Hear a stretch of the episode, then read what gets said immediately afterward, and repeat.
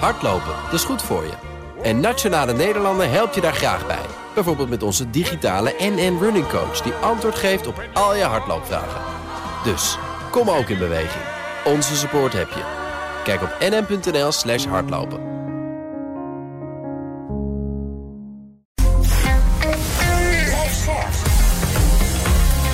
BNR Nieuwsradio. The Big Five.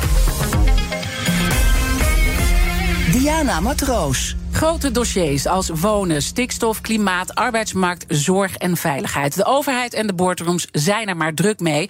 Maar de toezichthouders natuurlijk ook. Als de scheidsrechters in onze samenleving moeten zij continu scherp blijven. En ik ben heel erg benieuwd hoe je nou goed toezicht kunt houden als de speelregels steeds veranderen. Hoeveel invloed kunnen ze nou echt uitoefenen? En wat zien zij als de belangrijke knelpunten nu in onze samenleving? En daarom ga ik deze week in gesprek met vijf kopstukken in BNR's Big Five van de toezichthouders. En we hebben elke dag een totaal ander uh, perspectief en ook een andere sector. Vandaag heb ik Marjan Kaljouw. Zij is bestuursvoorzitter van de Nederlandse Zorgautoriteit. Ontzettend fijn dat je er bent. Dankjewel, goedemorgen. Uh, ik ga straks natuurlijk zeker met je praten hoe we eigenlijk de zorg zelf moeten helpen. En wat we allemaal moeten doen om de problemen uh, op te lossen. En die uh, zijn gigantisch. Maar voordat we dat gaan doen, wil ik eerst twee dingen van je weten. En het allereerste is ook meteen maar even het probleem goed te agenderen. Personeelskrapte, stijgende kosten, lange wachtlijsten, mensen die zorg mislopen. Hoe lang duurt het voordat de zorg totaal vastloopt? Dat is al begonnen de zorg loopt al vast. Je, ziet het nu al. Hè? Mensen die geen huisarts hebben. Of mensen die in een verpleeghuis wonen, kleinschalig. Waar ze wel zorg krijgen. Maar uh, geen behandeling omdat er geen huisarts is. Of geen specialist oudergeneeskunde. Uh, de kraamzorg die niet meer uh, beschikbaar is. Waardoor mensen langer in het ziekenhuis moeten blijven liggen als ze bevallen zijn. En dus een bed bezet houden. Of een, een hotelfaciliteit aangeboden krijgen. Uh, dus het is al aan het vastlopen. En als we niks doen, dan gaat het heel snel vastlopen. En dan denk ik dat we volgend jaar uh, flinke problemen hebben. Volgend jaar? Ja. Volgend jaar begin, dus echt al begin 20... Het begint, het begint nu al en dat gaat zich alleen maar doorzetten. De arbeidsmarktproblemen zijn er al en die worden alleen maar groter. De kosten zullen volgend jaar echt niet afnemen. Dus de druk neemt toe. Het tweede wat ik van je wil weten. Je bent nu uh, acht jaar uh, zit je bij de Nederlandse Zorgautoriteit. Ja. En je gaat ook binnenkort uh, stoppen. Hè? Yes. Maar je bent al nog lang niet klaar. Want dat merk ik aan alles wat ik uh, van je hebt gelezen. Maar ben je, ben je, het raakt het je wat er gebeurt? Ja, het raakt me enorm. En dat komt omdat ik zelf uit de zorg kom. Ik heb tien jaar op een intensive care gewerkt. En ik weet hoe belangrijk het is voor mensen dat als er echt iets is uh, ze hebben echt zorg nodig. Hoe belangrijk het is dat ze dat ook krijgen. Of als het hun naast om hun, omgeving uh, betreft. Dus als, mensen krijgen onmiddellijk een gevoel van bedreiging en onveiligheid. Als ze eraan zouden denken van ja, als er nu iets met mij gebeurt, of met mijn vader, mijn moeder, een familielid of een vriend. En er is geen hulp, er is geen zorg daar liggen mensen van wakker. Dus ja, dat raakt mij. Ja, en, en, en wat gebeurt er dan met jou als, als iets je raakt? Dan krijg ik een ontzettende drive om na te denken... wat kunnen we hier samen aan doen? En dat is nou precies wat ik doe in mijn werk als bestuursvoorzitter van de NZA. Misschien toch even goed, uh, want je, je vertegenwoordigt een van de machtigste mensen in de zorg. Maar yes. niet iedereen weet uh, misschien precies wat de zorgautoriteit doet. Dus in het kort, wat, doe, wat doen jullie precies? Wij zijn een hele bijzondere want u zei het al, hè, toezichthouder. Want wij houden niet alleen toezicht. Wat wij doen, is wij reguleren de gezondheidszorg. Mm -hmm. Wij zorgen dat er een gereguleerde marktwerking is in de gezondheidszorg. Geen gewone marktwerking, maar gereguleerd. Daar bedoel ik mee, wij stellen de tarieven vast. Uh, en wij doen kostenonderzoek om te kijken wat zo'n tarief zou moeten zijn. Dus we doen veel wetenschappelijk onderzoek. We zijn ook de marktmeester in de zorg. En in gewone mensentaal, dan moet je je echt voorstellen... iedereen weet wat een marktmeester is op de markt op zaterdag. He, dat is iemand die zorgt dat iedereen zijn kraam op de goede plek zet... en ja. de goede dingen doet. Dat doen wij in de zorg. We zijn ook de enige marktmeester in de zorg. En daarnaast houden we toezicht. We houden toezicht op zorgverzekeraars, zorgplicht en zorgkantoren... Um, en we controleren ook het declaratiegedrag van alle zorgaanbieders. En kan je dan ook echt zware kaarten uitdelen? Ik bedoel, maar boetes of, of, of, of uh, ja, dingen onder curatele stellen. Ik bedoel, hoe moet ik dat voor me zien? nou ja, de, de problemen zijn er groot genoeg voor. De problemen zijn, zijn soms groot, groot genoeg, maar we zijn niet de politie.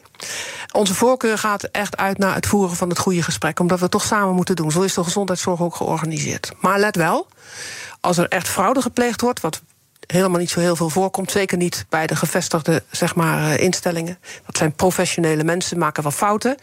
Maar echt corruptie en fraude komt daar bijna niet voor. Komt wel voor in Nederland, maar dan aarzelen we niet. No mercy bij echt fraude en uh, corruptie, dan grijpen we hard in. Werken ook intensief samen met het Openbaar Ministerie enzovoort. Maar jullie gaan dus echt uh, voor het gesprek. En, en dan is het toch interessant. Uh, je bent nu acht jaar bezig. En ja. nou, je hebt een enorme drive. Maar ja. ik voel ook, nou ja, frustratie is misschien niet het goede woord. Maar het nee. raakt je uh, dat we op dit punt zijn aangekomen. Je bent voor het goede gesprek. Hoe zijn we nou op dit punt beland? Ja. Kijk, COVID heeft, het, heeft, heeft de hele situatie enorm versneld. Maar daarvoor wisten we natuurlijk ook al dat de arbeidsmarkt is altijd een probleem geweest. we weten, mensen worden steeds ouder, ook de mensen die in de zorg werken. Op een gegeven moment krijg je dan toch die golf van mensen die met pensioen gaan. En het is helemaal niet makkelijk om die enorme aantallen uh, zeg maar in de zorg te krijgen. Want we hebben meer collectieve sectoren in het land en het bedrijfsleven. Dus we moeten echt dat wel een beetje verdelen. Nou, dan zien we dat er dus een enorme uitstroom is. Dan ontstaat COVID. Dan hebben we een enorm ziekteverzuim gekregen. Dat ziekteverzuim is nog steeds veel te hoog. En nu zie je dus echt ontstaan dat uh, zorginstellingen te kampen krijgen met productiedaling. Gewoon omdat het personeel er niet is om de dingen te doen die ze eigenlijk zouden willen doen. Um, ja, en voorlopig die, dat arbeidsmarktprobleem, ik, uh, ik, ik voorzie dat dat de komende jaren nog, nog blijft uh, bestaan. Ja, maar toch, als je even wat dieper erop ingaat. Hè, want ik leer altijd een crisis die legt zaken bloot ja. die al verkeerd waren daarvoor. Ja. Het zegt denk ik ook iets hoe wij met de zorg met z'n allen omgaan. Ik bedoel, ja. de zorg staat nu op 100 miljard. Ja. Het is toch niet te geloven, ja. dat budget? Ja, en zonder, zonder de huidige aanpak in het huidige stelsel... dan was het volgens mij nog veel meer, veel meer geweest. En de voorspelling van het RIVM is dat als we het beleid nu niet gaan wijzigen dat in 2040 we zo rond de 174 miljard zullen uitgeven. En als je doortrekt, dus bij ongewijzigd beleid, dan moet je erop rekenen in 2060. Heel ver weg, maar dan zit je ruim boven de 200 miljard. En dat betekent dat voor onze kinderen en onze kleinkinderen... dat die zo ongeveer een derde van hun inkomen kwijt zullen zijn aan de zorg. Daar moet je in deze tijd eens, eens even over nadenken. Dat is werkelijk onmogelijk en onhaalbaar. Dus we zullen echt hier moeten gaan ingrijpen. Wat doen we wel en wat doen we niet? Onze sector in de zorg is ook een sector die uit veel vrouwen bestaat. zeker, zeker de mensen, die, de professionals die echt aan het, aan het bed in de zorg werken. En ze werken ook bijna allemaal deeltijd. Dat schiet ook niet echt op. Dus je zou best wel een paar slagen kunnen maken door te kijken van wat, wat kunnen we nou doen. En dan zou ik voorstellen, vraag het aan hen zelf. Wat kunnen we nou doen om jullie A, nu voor de zorg te behouden? Want daar moeten we alle pijlen op zetten, vind ik. Mm en B, wat heb je nodig om bijvoorbeeld eens wat meer uh, uren te gaan draaien? De antwoorden die ik krijg is van ja, ik zou wel willen. Maar ik heb een gezin met kleine kinderen. En uh, de kinderopvang is op dit moment ook niet echt uh, een feest. Nee, want daar zijn natuurlijk ook. Ik bedoel, iedereen kan met tekorten. Ja, het loopt er zijn meerdere problemen natuurlijk met de kinderopvang. Precies, het loopt, maar... het loopt overal een beetje vast. Ja. Dus ja, dan zul je toch uh, van het huidige denkpatroon af moeten. En na moeten gaan denken van nou, wat zou je dan wel kunnen? Met technologie, met IT. Eh, misschien moeten we zelf kinderopvang gaan regelen in die zorginstellingen. Maar in ieder geval moeten we buiten de lijntjes gaan kleuren en buiten de lijntjes gaan denken. En vooral de beroepsgroep zelf betrekken. Uh, en ze te vragen hoe zouden we dat nou gezamenlijk kunnen oplossen voor de komende jaren. Ja, uh, en toch denk ik dan ook bij mezelf... misschien uh, zitten we wel allemaal veel te veel bij doktoren, ja, nou, psychologen. Zeker. Hè, ik bedoel, we hebben de bekende psychiater Damien Denis... die zegt ook van, ja, problemen horen ook bij het leven. Men, hè, als je echt pro geestelijke problemen hebt... moet je natuurlijk naar de, naar de psychiater. Maar er zitten gewoon heel veel mensen die er niet thuis horen. Nou, maar dat is een heel goed punt, vind ik dit. Hè. Onze problemen moeten gelijk vandaag opgelost worden. Uh, pijn bestaat niet meer.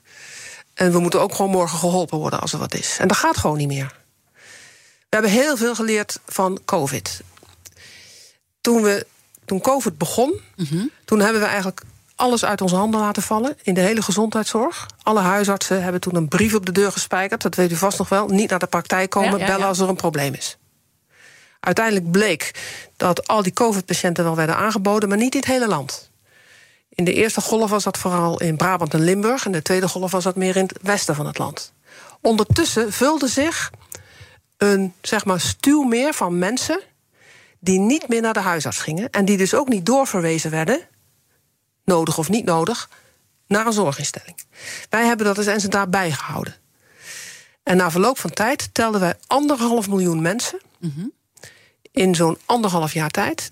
Die niet zijn doorverwezen door de huisarts naar alleen een ziekenhuis. Hè. Dit, eh, dit is alleen, gaat alleen over de ziekenhuizen. ten opzichte van 2018 en 2019. Maar dat hoeft niet per se goed te zijn. Want we, we hebben natuurlijk gehoord dat heel veel uitgestelde zorg tot hele grote problemen heeft geleid. En dat mensen eh, eh, ja, ziek thuis bleven en daar niet ziek hoorden te zijn. Precies, dat heeft, dat, dat heeft ook hele dramatische kanten. Er waren mensen die durfden helemaal niet naar de huisarts... omdat ze bang waren Ook, dat ze ja. besmet raakten. Er waren mensen die gingen niet naar de huisarts... omdat, omdat ze bang waren dat ze het systeem te veel zouden belasten. Er zijn dus mensen die gezondheidsschade hebben opgelopen. Er zijn ook mensen die overleden zijn. Er zijn ook mensen... eh, waarbij de zorg best uitgesteld kon worden, maar dat is niet fijn. Die mensen hebben pijn en die moeten lang wachten... en dat is misschien nog steeds niet opgelost. Mhm. Maar er is ook een andere maar er is kant. ook een groep mensen... dat is gewoon overgegaan, dat is gewoon voorbij gegaan. Kwaaltjes waarbij je normaal even... Whatever. Ja. Ja. ja, ik ken ze niet, want ze zijn bij de huisarts terechtgekomen. Maar we zijn ze in ieder geval wel kwijtgeraakt. En we zagen dat ook bij de faillissementen van de Slotervaartziekenhuis en Lelystad. Zagen we ook een behoorlijk percentage wat we nooit meer teruggezien hebben. Dus we gaan wel heel snel naar de huisarts of naar het ziekenhuis. En dat is lang niet altijd nodig. Dat klopt. The Big Five. Diana Matroos. Mijn gast is Marjan Kaljaus. Hij is bestuursvoorzitter van de Nederlandse Zorgautoriteit. Eh, je geeft aan, je maakt je ontzettende zorgen. Het loopt totaal vast. Volgend jaar gaat het gewoon echt eh, helemaal mis. En als het helemaal misgaat, wat gebeurt er dan precies? Waar ik me het meest zorgen over maak, is de toegankelijkheid van de zorg. Ik heb net gezegd dat de kosten natuurlijk eh, volledig uit de hand gaan lopen. Maar dat vind ik nog, als ik heel eerlijk ben, niet eens het grootste probleem. Het grootste probleem is de toegankelijkheid. En dat betekent. Er is een grote groep mensen in Nederland die weten de weg helemaal niet zo goed. Eh, en die beschikken ook niet over voldoende middelen. En die mensen gaan tussen wal en schip vallen. En met de weg niet goed eh, weten, dat ze niet de administratieve weg weten, hoe je bij een bepaalde Whatever. specialist uit moet komen. Ja, die, eh, die, die, die niet goed begrijpen wat er in brieven staat... of eh, op een website staat... of niet eens beschikken over eh, IT... zodat ze een website kunnen lezen, of, of wat dan ook. Dus dat zijn toch, dat vind ik, de, de, de wat meer kwetsbaren in onze samenleving... waar we echt dat vangnet voor zouden moeten hebben... die dan de weg niet weten en de middelen niet hebben... en die dus niet meer ehm, ja, de zorg krijgen die ze nodig hebben. En dat heeft dus ook met geld te maken. Dat heeft ook met geld te maken. Hè, want het wordt natuurlijk steeds duurder, de zorg. En je moet voor goede zorg moet je Er steeds nu meer al- bijbetalen. Ja, er zijn nu al mensen die, die gaan helemaal niet meer naar de tandarts. Want dat moeten ze zelf betalen. Maar hun kinderen gaan ook niet naar de tandarts. Dat is gewoon ontzettend zorgelijk. Er zijn mensen die niet naar de huisarts gaan... omdat ze denken dat ze daardoor hun eigen risico kwijtraken. Er zijn mensen die niet doorgestuurd willen worden naar een ziekenhuis... of een andere behandelinstelling... omdat ze bang zijn dat ze daarvoor moeten betalen. Het is echt verschrikkelijk. En dit is natuurlijk ook eh, eh, bij het onderwijs is dit het probleem. Ja. Ik bedoel, als je geld hebt, dan zorg je gewoon dat je kind naar de bijles eh, gaat. Ik heb hem daar ook schuldig aan gemaakt, zou je kunnen zeggen. Ja, Maar dat is, dat dat is de allemaal situatie die we in Nederland hebben. Nou ja, we zien dus die tweedeling ontstaan. Ja. Als we, als we niet veranderen, dan zien we tweedeling ontstaan. En dat is nou precies het principe van onze gezondheidszorg, namelijk die solidariteit. Wij willen dat rijke mensen betalen voor arme mensen... en we willen dat gezonde mensen betalen voor, voor zieke mensen. En dat staat nu geweldig onder druk. En dat niet alleen. De grote zorgverzekeraars zoals CZ, die zeggen nu... wij kunnen helemaal niet meer garanderen dat zorg altijd voor iedereen toegankelijk is. Dus eigenlijk het, het probleem wat je benoemt... eh, ja, dat komt nu al ook terug vanuit Ja. de zorgverzekeraars zelf. Ja, maar dat vonden wij toch een beetje, een beetje te kort door de bocht. Ik zag ook een beetje een smalend lachje. Ik weet wel nooit wat dat precies betekent. Maar Nou, dat is in ieder geval niet smalend bedoeld. Maar ik vind wel dat je. Je moet natuurlijk niet te snel eh, de kaart gaan spelen dat je het niet meer leveren kan. Hè? Want je, je- ze sturen wel de rekening als het gaat om de premie. Dus een zorgverzekeraar is gewoon verplicht bij wet om zich aan de zorgplicht te houden. En die dient zich ook maximaal in te spannen om die zorgplicht te garanderen voor iedereen die bij hem of bij haar verzekerd is. En ik vind dat zorgverzekeraars nog best een tandje bij kunnen zetten als het gaat om die zorgplicht. Ja, en ze geven dan bijvoorbeeld aan, hè, dus uh, de groot van CZ die zegt ja, een flink deel van de eigen reserves is al ingezet mm -hmm. uh, om de stijging van het premiebedrag zo beperkt uh, mogelijk te houden. Nou ja, die reserves hebben een grens. En eigenlijk is de grens van de betaalbaarheid in zicht. Dat is een beetje de houding. Ja, ik denk dat inderdaad de grens van de betaalbaarheid ook wel in zicht komt. Daar heeft u wel gelijk in. Maar dat is gewoon geen reden om, niet, om je niet aan de zorgplicht te houden. Ja, en wat doe jij dan vanuit jouw rol? Als, als, als wij zien dat de zorgplicht in gevaar komt. en uh, de Groot heeft zich bij mij nog niet gemeld. heeft het alleen in de krant geschreven. Maar dat is toch ook typisch dan? dat is een beetje bijzonder, maar we wagen er een telefoontje aan. En zeggen van nou, we houden je in de gaten. Uh, dat, dat je wel aan je zorgplicht blijft uh, voldoen. En dat doet hij. Op dit moment doet hij dat. Mm -hmm. Normaal gesproken, als het niet meer kan, dan moet je je voorstellen dat in COVID-tijd is het natuurlijk wel voorgekomen. Hè? Dat, overmacht, dat er overmacht ontstaat vanwege alle aanbod uh, COVID. We hebben toen beleid ontwikkeld en gezegd van nou, de acute zorg die moet doorgaan. -hmm. De semi-acute zorg ook en de urgent planbare zorg ook. En de rest stellen we uit. Dan zou je kunnen stellen dat je niet voldoet aan de zorgplicht voor die groep. Mm -hmm die je dus op dat moment niet meer helpt. Nou, dat is overmacht. Dat ja. is nu niet aan de orde, vinden wij. Er is nu geen overmacht. Dus gewoon leveren. Dus gewoon leveren. Maar punt. ook dan binnen een bepaalde termijn. Want ik bedoel, als je echt iets hebt en je moet gewoon uh, drie maanden wachten voordat je een keertje terecht kunt. Ja, ja maar dat, kan, dat, dat, dat is helaas denk ik wel een beetje uh, waar we nu al in zitten. Om de doodeenvoudige reden dat uh, als je kijkt naar de, wat we oneerbiedig noemden, de inhaalzorg. Zeg maar de zorg die eigenlijk allemaal nog geleverd moet worden, die we niet meer geleverd hebben in COVID-tijd. Ja, dat is nog steeds niet ingehaald op een klein aantal na. Dus ja, die wachttijd die neemt wel toe. Ja, wat voor gezondheidsdrama komt daar af, op ons af, los even van de haves en de haves not?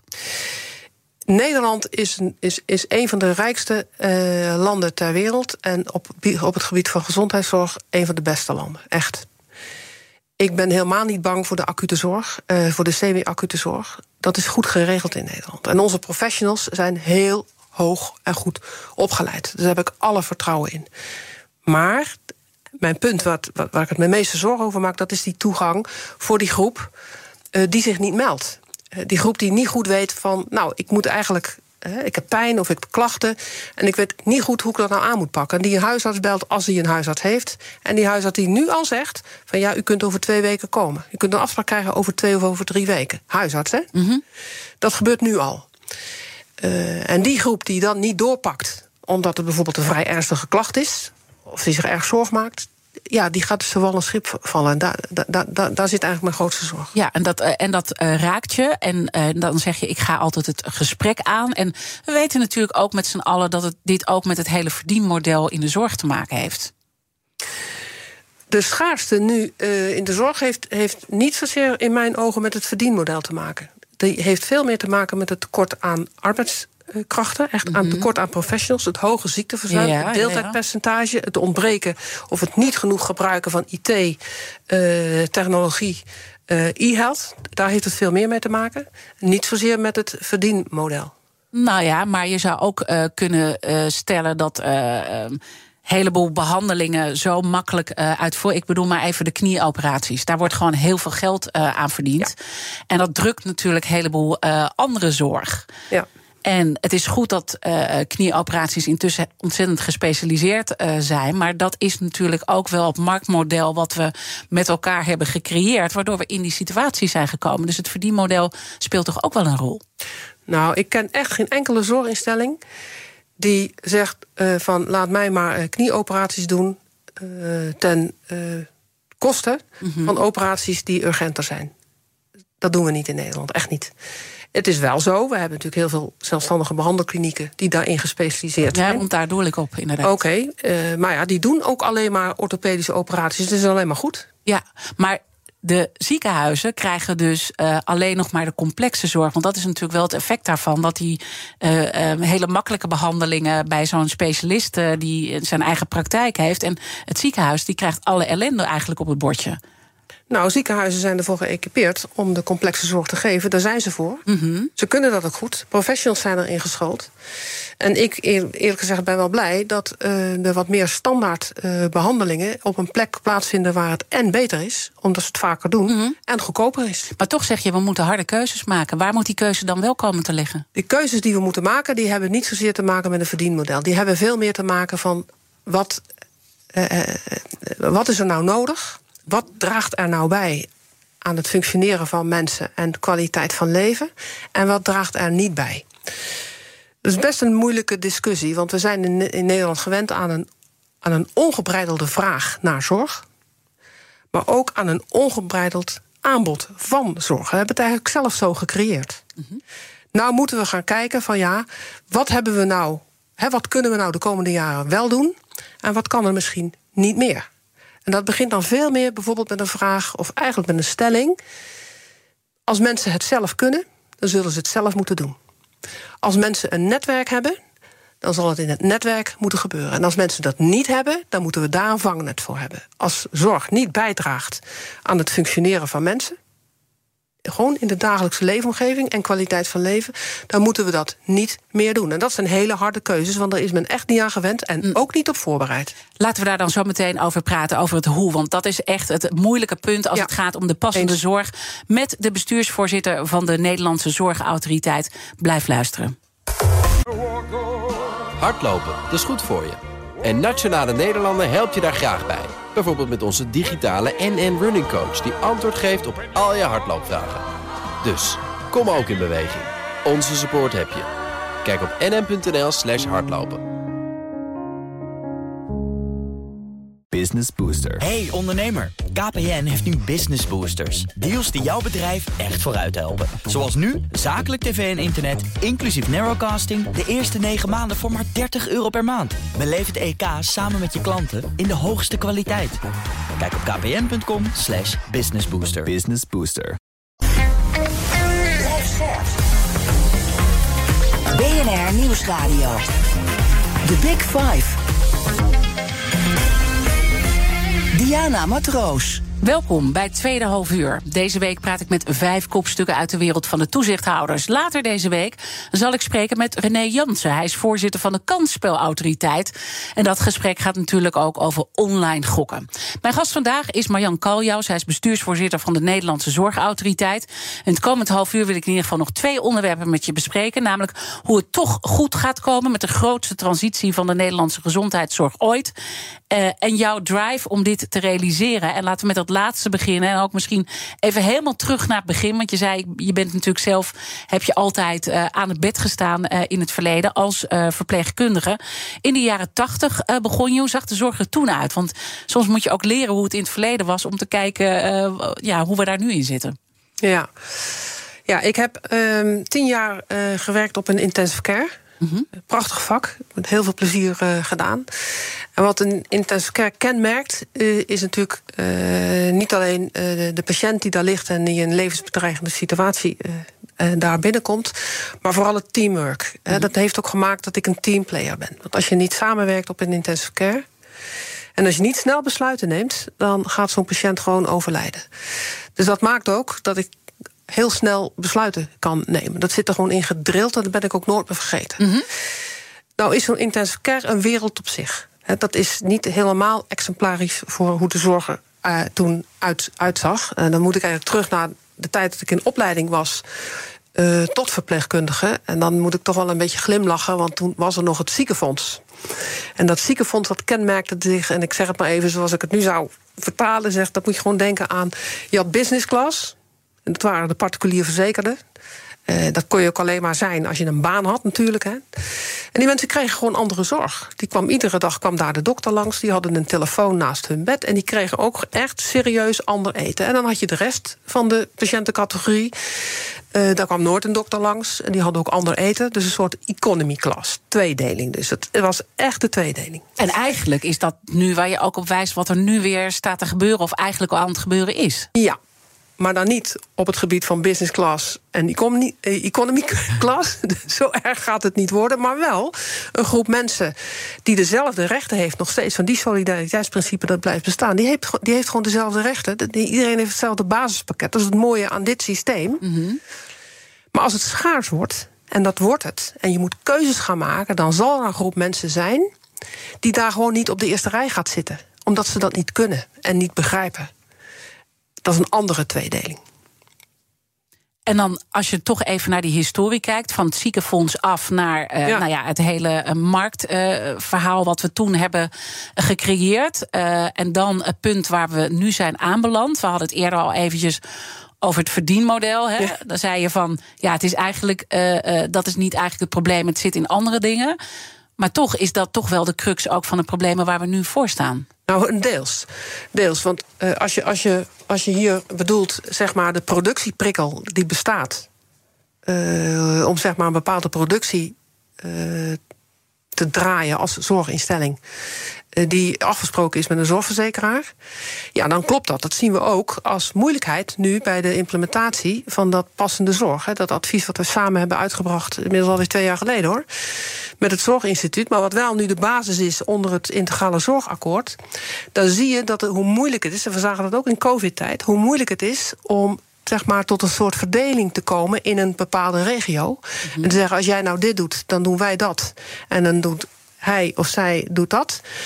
Dat is heel erg moeilijk, omdat we betalen voor productie. En als je betaalt voor productie, dan is natuurlijk de prikkel om productie te draaien. Dat is overigens iets waar wij als NZA echt afscheid van willen nemen. Want wat, wat voor voorbeelden ben je tegengekomen als het gaat over dit productiemodel? En overigens daar doelde ik ook op met die knieoperaties. Ja, dat is natuurlijk ook een productiemodel uh, geworden waar de, uh, ja, de, de, de, de particuliere zorg enorm uh, aan verdient. Terwijl de ziekenhuizen gewoon de ellende mogen opknappen. Ja, dat, dat, dat, dat weet je. Dat is in mijn ogen iets te zwart-wit. kijk, zo'n pro, productiemodel heeft al, alles heeft twee kanten. Het heeft voordelen en het heeft nadelen. De, het nadeel is inderdaad, als je betaalt voor productie, dan krijg je productie en dan wordt minder de vraag gesteld: is dat nou echt nodig? Uh, of kan het ook anders?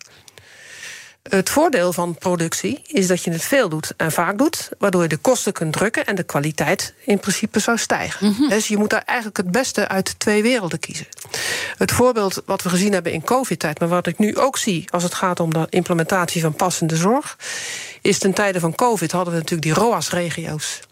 Uh, die met elkaar aan tafel zaten om te kijken van hoe gaan we dit nou in deze regio überhaupt een beetje organiseren. Met al dat aanbod van dood en doodzieke mensen. Ja, daar zag je toch ook dat niet iedereen aan tafel ging zitten. En dat eigen belangen uh, soms voor uh, het algemeen belang of het collectieve belang gingen. Dat hebben we echt gezien. Daar hebben we echt veel, veel over moeten praten.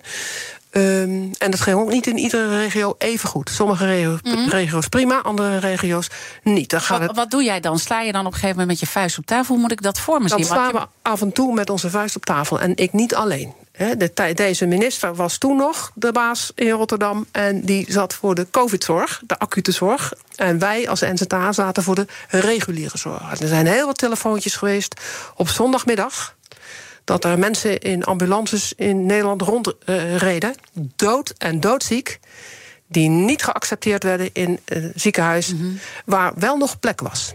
En, en Ernst Kuipers en jij zaten dan op één lijn te bellen en de druk uit te oefenen. Ja. En wat is dat in mensen? Want ik denk van, ja, weet je, als je de zorg ingaat. Uh, dan zeg je dat je alles gaat doen om mensen beter te maken. Maar dat deden ze ook.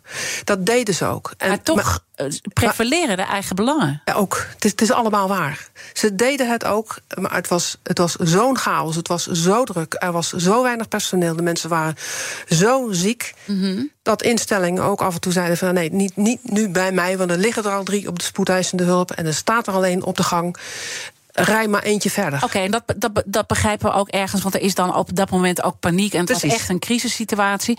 Maar uh, eerder in het gesprek hadden we het er ook al over. Deze, uh, uh, het feit dat de zorg zelf op de IC ligt. Dat is natuurlijk al heel lang gaande. Ja. Dat was natuurlijk voor corona al zo. En dat heeft dus ook te maken met belangen. Dan zeg je, ja, oké, okay, we moeten naar passende zorg toe. Yes. Ja.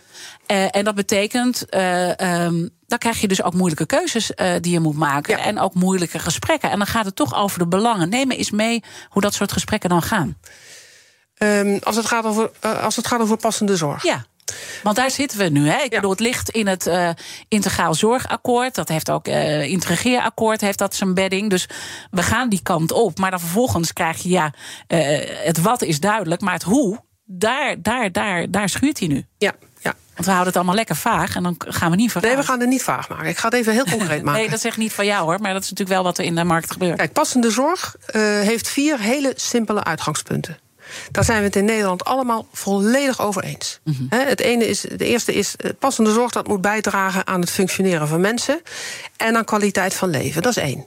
Het moet altijd de juiste zorg zijn op de juiste plek. Dat is twee. Mm -hmm. Het moet altijd samen met en rondom de patiënt tot stand komen. Dat is drie. En het zou veel meer moeten uitgaan van gezondheid, het bevorderen van gezondheid, in plaats van alleen maar kwalen en aandoeningen. Nou, iedereen eens. Hoe gaan we dat doen? Stel je nou eens voor. Stel nou eens voor dat je zegt dat een groep mensen die nu nog iedere dag in het ziekenhuis komen of op de polykliniek komen voor controles met chronische aandoeningen. En stel nou eens dat we zeggen, die chronische aandoeningen, dan kunnen mensen eigenlijk best heel veel zelf of in hun netwerk. In ieder geval kan dat best thuis met technologie, beeldbellen, noem het allemaal maar op. Zegt iedereen, ja prima, dat is ook prettig. Hè? Zelf, als je zelf een, een chronische aandoening hebt... en je hoeft er niet iedere keer voor naar een polykliniek. Precies, niemand zit er en in een dure, en, en, en, dure, veel tijd. Precies, in een dure parkeergarage. Nou ja, je weet het allemaal, dus dat is heel fijn. Maar stel nou eens voor dat zo'n aandeelpercentage... chronische aandoeningen in een ziekenhuis... dat dat 30 of 40 procent is. En jij bent dat ziekenhuis. En ik zeg tegen jou, we halen die 30, 40 procent bij jou weg. Want dat hebben mensen veel liever. Dat gaan we thuis doen. We halen niet alleen die patiëntenstroom bij jou weg, maar ook een aantal personeelsleden, want die hebben we namelijk in de eerste lijn dan nodig. Mm -hmm. En ook een hele stapel middelen, want die hebben we ook in de eerste lijn nodig. En wat is dan de reactie? Ja, dat is natuurlijk ontzettend bedreigend. Dat is bedreigend op alle fronten. Dat is bedreigend voor de instelling zelf als het gaat om het voortbestaan. Dat is bedreigend voor professionals als het gaat van wat gebeurt er met mijn baan. Moet ik dan ineens ergens anders gaan werken? Of heb ik zo meteen geen baan meer? Dus de grote uitdaging waar wij, voor staan eh, in de passende zorg is om regionaal te gaan kijken. Wat is daar nou nodig in zo'n regio? Mm -hmm. Hoe kunnen we dat het beste organiseren? Waar kunnen we dat het beste organiseren? En wie kan dan wat het beste doen? En hoe gaan we die enorme oversteek maken? Tussen de, van de huidige situatie naar de wenselijke situatie. Dat gaat jaren duren en dat heeft grote consequenties voor alle zorginstellingen. Of echt voor het hele ja. zorgaanbod. Ja. Uh, uh, tot en met de zorgprofessionals. Uh, ja. Het heeft dus heel veel impact en dat vinden mensen niet leuk, want het gaat over belangen. Het gaat dan een onzeker traject wat je ja. in moet gaan. En dan hebben wij een polder uh, samenleving ja. met z'n allen. Ja. En dan kan je elkaar flink bezighouden. Zo is het. Zo voor. Ja. Kijk, dat is ook wat mooi in Nederland is dat poldermodel. Wij, wij, zijn, wij zijn gewend om met elkaar te praten, net zolang tot we het eens zijn over een bepaalde aanpak. Maar daar moeten wel grenzen aan gesteld worden. En dat doen we niet meer. We praten nu door, eindeloos en oeverloos, in mijn ogen, tot we het een keer eens zijn. En op sommige onderwerpen worden we dat niet. Dus het zou heel goed zijn in Nederland dat er toch eens een keer wat doorzetting gebruikt wordt. Dat is nou eens mooi geweest. We hebben het allemaal gezien. Dit is nodig. Zo gaan we het doen. En morgen gaan we beginnen. Dat zou mooi zijn. Hardlopen, dat is goed voor je. En Nationale Nederlanden helpt je daar graag bij. Bijvoorbeeld met onze digitale NN Running Coach... die antwoord geeft op al je hardloopvragen. Dus, kom ook in beweging. Onze support heb je. Kijk op nn.nl slash hardlopen. Business Booster. Hey ondernemer, KPN heeft nu Business Boosters. Deals die jouw bedrijf echt vooruit helpen. Zoals nu, zakelijk tv en internet, inclusief narrowcasting... de eerste 9 maanden voor maar 30 euro per maand. Beleef het EK samen met je klanten in de hoogste kwaliteit. Kijk op kpn.com slash businessbooster. Business Booster. BNR Nieuwsradio. The Big Five. Diana Matroos.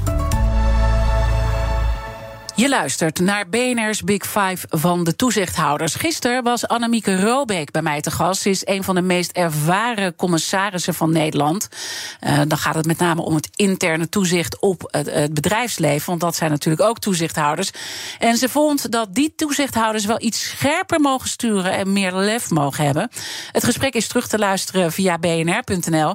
En eigenlijk hoor ik diezelfde woorden een beetje doorklinken in mijn gast van vandaag. Marjan Kaljouw, bestuursvoorzitter van de Nederlandse Zorgautoriteit.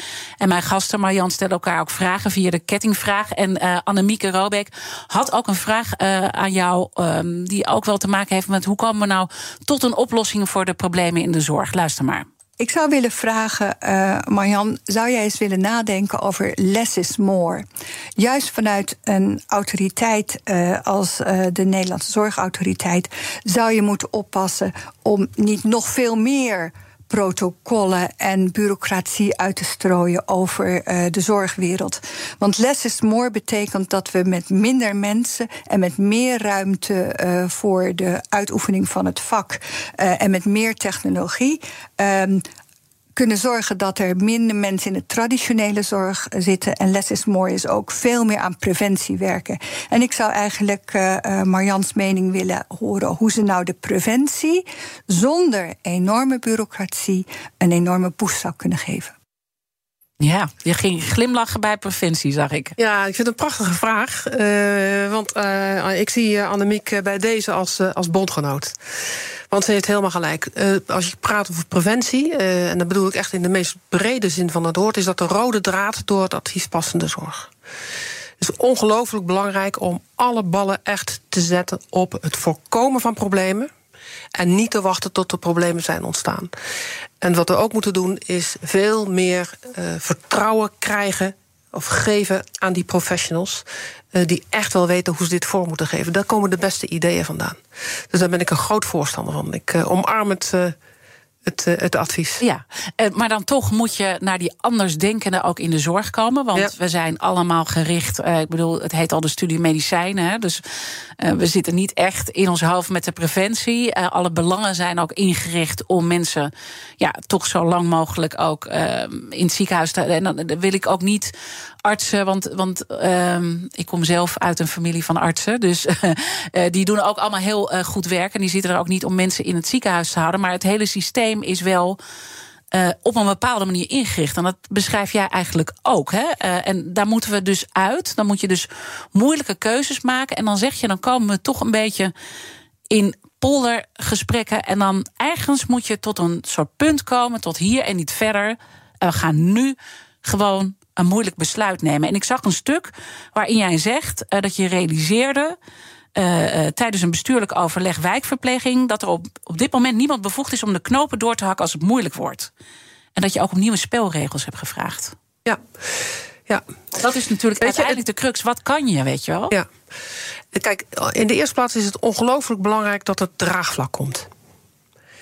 Uh, en ik denk, uh, of vind, dat dat draagvlak voor die uitgangspunten van die passende zorg, dat is er gewoon. Iedereen is het met die uitgangspunten eens. Waar het moeilijk wordt, is bij de consequenties. Het maken van moeilijke keuzes uh, die misschien niet zo fijn uitpakken voor een bepaalde organisatie of een bepaalde groep professionals. Exact. Uh, en op dat moment uh, denk ik dat we echt na moeten gaan denken dat we op enig moment toch moeten stoppen met het polderen, want dan blijf je aan de gang. En dan duurt het allemaal veel te lang en ik meen het echt. Mm -hmm. Tijd is rijp. Het is nodig dat we nu besluiten nemen en stappen zetten. Ook al pakken die niet prettig uit op het individuele niveau of op het organisatieniveau. En dan moet iemand een keer die knoop eens doorhakken. Maar wie heeft het mandaat om dat te dat doen? Dat heeft op dit moment nog helemaal niemand. Je zou kunnen zeggen, de minister kan die knoop doorhakken. Uh, dat zou hij ook wel kunnen doen. Maar dat is niet echt aantrekkelijk. Hè, want daarna moet hij naar de Tweede Kamer om dat te gaan uh, verantwoorden en uit te gaan leggen. Voor hetzelfde geld is dan gelijk weer van tafel. Ik denk dat bijvoorbeeld zo'n Nederlandse zorgautoriteit samen met bijvoorbeeld het Zorginstituut daar best een, een, een stap verder in zouden kunnen zetten. Hoe dan? dan dat ze nu kunnen zetten. Door op een gegeven moment zeg maar, het mandaat te krijgen om een knoop door te hakken. We gaan het zo doen. Maar nou ben je er heel lang al mee bezig. Ja. En, en ga je, gaat dit nog lukken voordat je stopt? Want nee, dat gaat, twee... nee, dat gaat mij niet meer lukken. Maar het gaat ook niet om mij. En ik ben niet de, mm -hmm. uh, alleen de Nederlandse zorgautoriteit. En wij hebben intensieve samenwerkingsverbanden. Uh, zowel met het ministerie van VWS als met het Zorginstituut als de, uh, en, en, en de NZA. Als die uh, de krachten bundelen, dat hebben ze natuurlijk al gedaan. We hebben ook samen dat advies uh, uitgebracht, uitgebracht. Dan zou je verder kunnen gaan denken. De sector vraagt er ook om. Hè. Op een gegeven moment vraagt, zegt de sector ook van... nou, dan moet er maar eens iemand een knoop doorhakken. Mm -hmm. Dan zouden we dat vorm kunnen geven. Dan moet je niet gelijk top-down doen, want dat werkt in Nederland niet. Hè. Dat mm -hmm. zien we bij de stikstof, dat zien we bij alle moeilijke dossiers.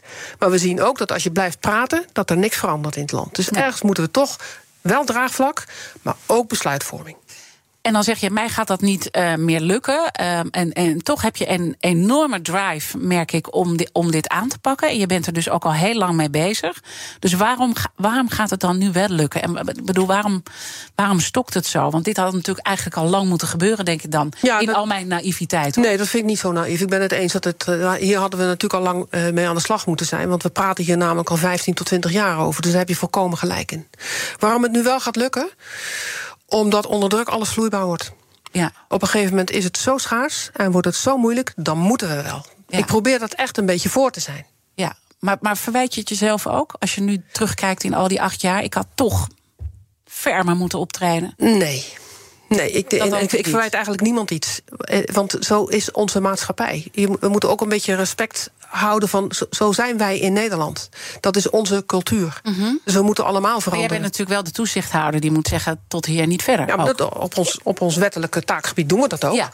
Alleen uh, hier, hebben wij, hier hebben wij helemaal geen mandaat. Nee. Uh, en het Zorginstituut ook niet. En VWS is natuurlijk ook maar betrekkelijk. Maar je zegt wel dat zouden wij in de toekomst dan wel moeten pakken, dat mandaat. Ja, ik vind van wel. Ja.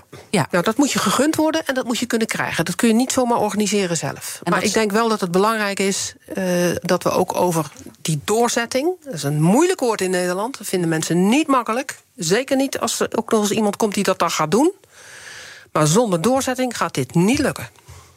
En door dit zo duidelijk uit te spreken, doe je ook uh, wat. Dus dat, dat is denk ik ook uh, mooi dat dat ook uh, gebeurt. Hè, dat je jouw laatste momenten ook gebruikt om dit echt gewoon zo duidelijk te agenderen. Ik merk dat ik gewoon veel te weinig tijd heb ja, om nog. ja, dus dat is ontzettend jammer. Maar goed, we moeten wel nog de, de kettingvraag natuurlijk doorpasen. Ja, morgen ja. dan ga ik helemaal in de wereld van de advocatuur duiken. En daar is ook het nodige aan de hand. En mijn gast is dan Rudy van Wijk Russen. Zij is kroon van het college Toezicht Advocatuur. Wat zou je haar willen vragen? Ja, ik zou, uh, Roelie, ik zou heel graag aan jou willen vragen. Uh, uh, als, je, als je kijkt naar het, naar het verhaal van de, zeg, maar de zorg op, op dit moment. en de druk waar het onder staat. dan weet ik dat de Nederlandse bevolking eigenlijk helemaal hier niet op is voorbereid. Eigenlijk weet Nederland helemaal niet wat er aan het gebeuren is en wat ze te wachten staat. Mijn vraag aan jou is. Wat zou jij mij nou adviseren om de Nederlandse bevolking hier zo bij te betrekken of mee te laten denken, zodat ze wel voorbereid worden op uh, wat ons te wachten staat als het gaat om de gezondheidszorg? Uh, en, maar zij zit natuurlijk in de advocatuur. Uh, maar je wil dus toch deze vraag aan haar stellen ja. op deze manier. Ja. En waarom, waarom, waarom, wat, wat, wat, wat is jouw gedachte hierbij? Nou ja, ik neem aan dat zij is ook een burger, net als ik ook een burger ben. Uh, en ik ben heel benieuwd uh, ja, hoe zij kijkt naar bijvoorbeeld een burgerberaad op complexe vraagstukken. Ja. Want het houdt jou gewoon ontzettend bezig en je bent gewoon nog lang niet klaar. Dat blijkt ook wel uit deze vraag uh, die je stelt. Ja. Ga je hier dan ook mee verder? Want je stopt binnen. Geen idee. Geen nee? idee. Nee, ik, nee ik, ik, ik heb zometeen acht jaar uh, ben ik bestuursvoorzitter bij de Nederlandse Zorgautoriteit geweest. Dat is een hele mooie periode. Daarin is echt ontzettend veel gebeurd. Dan is het echt tijd om het stokje over te dragen. Dat hoort er ook bij. Uh, wat er daarna gebeurt, dat weet ik echt niet. Uh, maar één ding is zeker, uh, Diana, ik ga niet achter de geraniums zitten. Nee, zo klinkt het dus ook helemaal cool. niet. Ja. Goed. Uh, dank uh, Marjan Kaljouw dat je mijn gast wilde zijn. De bestuursvoorzitter van de Nederlandse Zorgautoriteit. Alle afleveringen van BNR's Big Five zijn zoals altijd terug te luisteren. Abonneer je op onze podcast via onze app of je favoriete podcastkanaal. Dan mis je geen aflevering. Maar blijf live. Iwan Verrips. BNR breekt zo meteen om 11 uur. Ik wens je een mooie dag. Hardlopen, dat is goed voor je. En Nationale Nederlanden helpt je daar graag bij. Bijvoorbeeld met onze digitale NN Running Coach... die antwoord geeft op al je hardloopvragen. Dus, kom ook in beweging. Onze support heb je. Kijk op nn.nl slash hardlopen.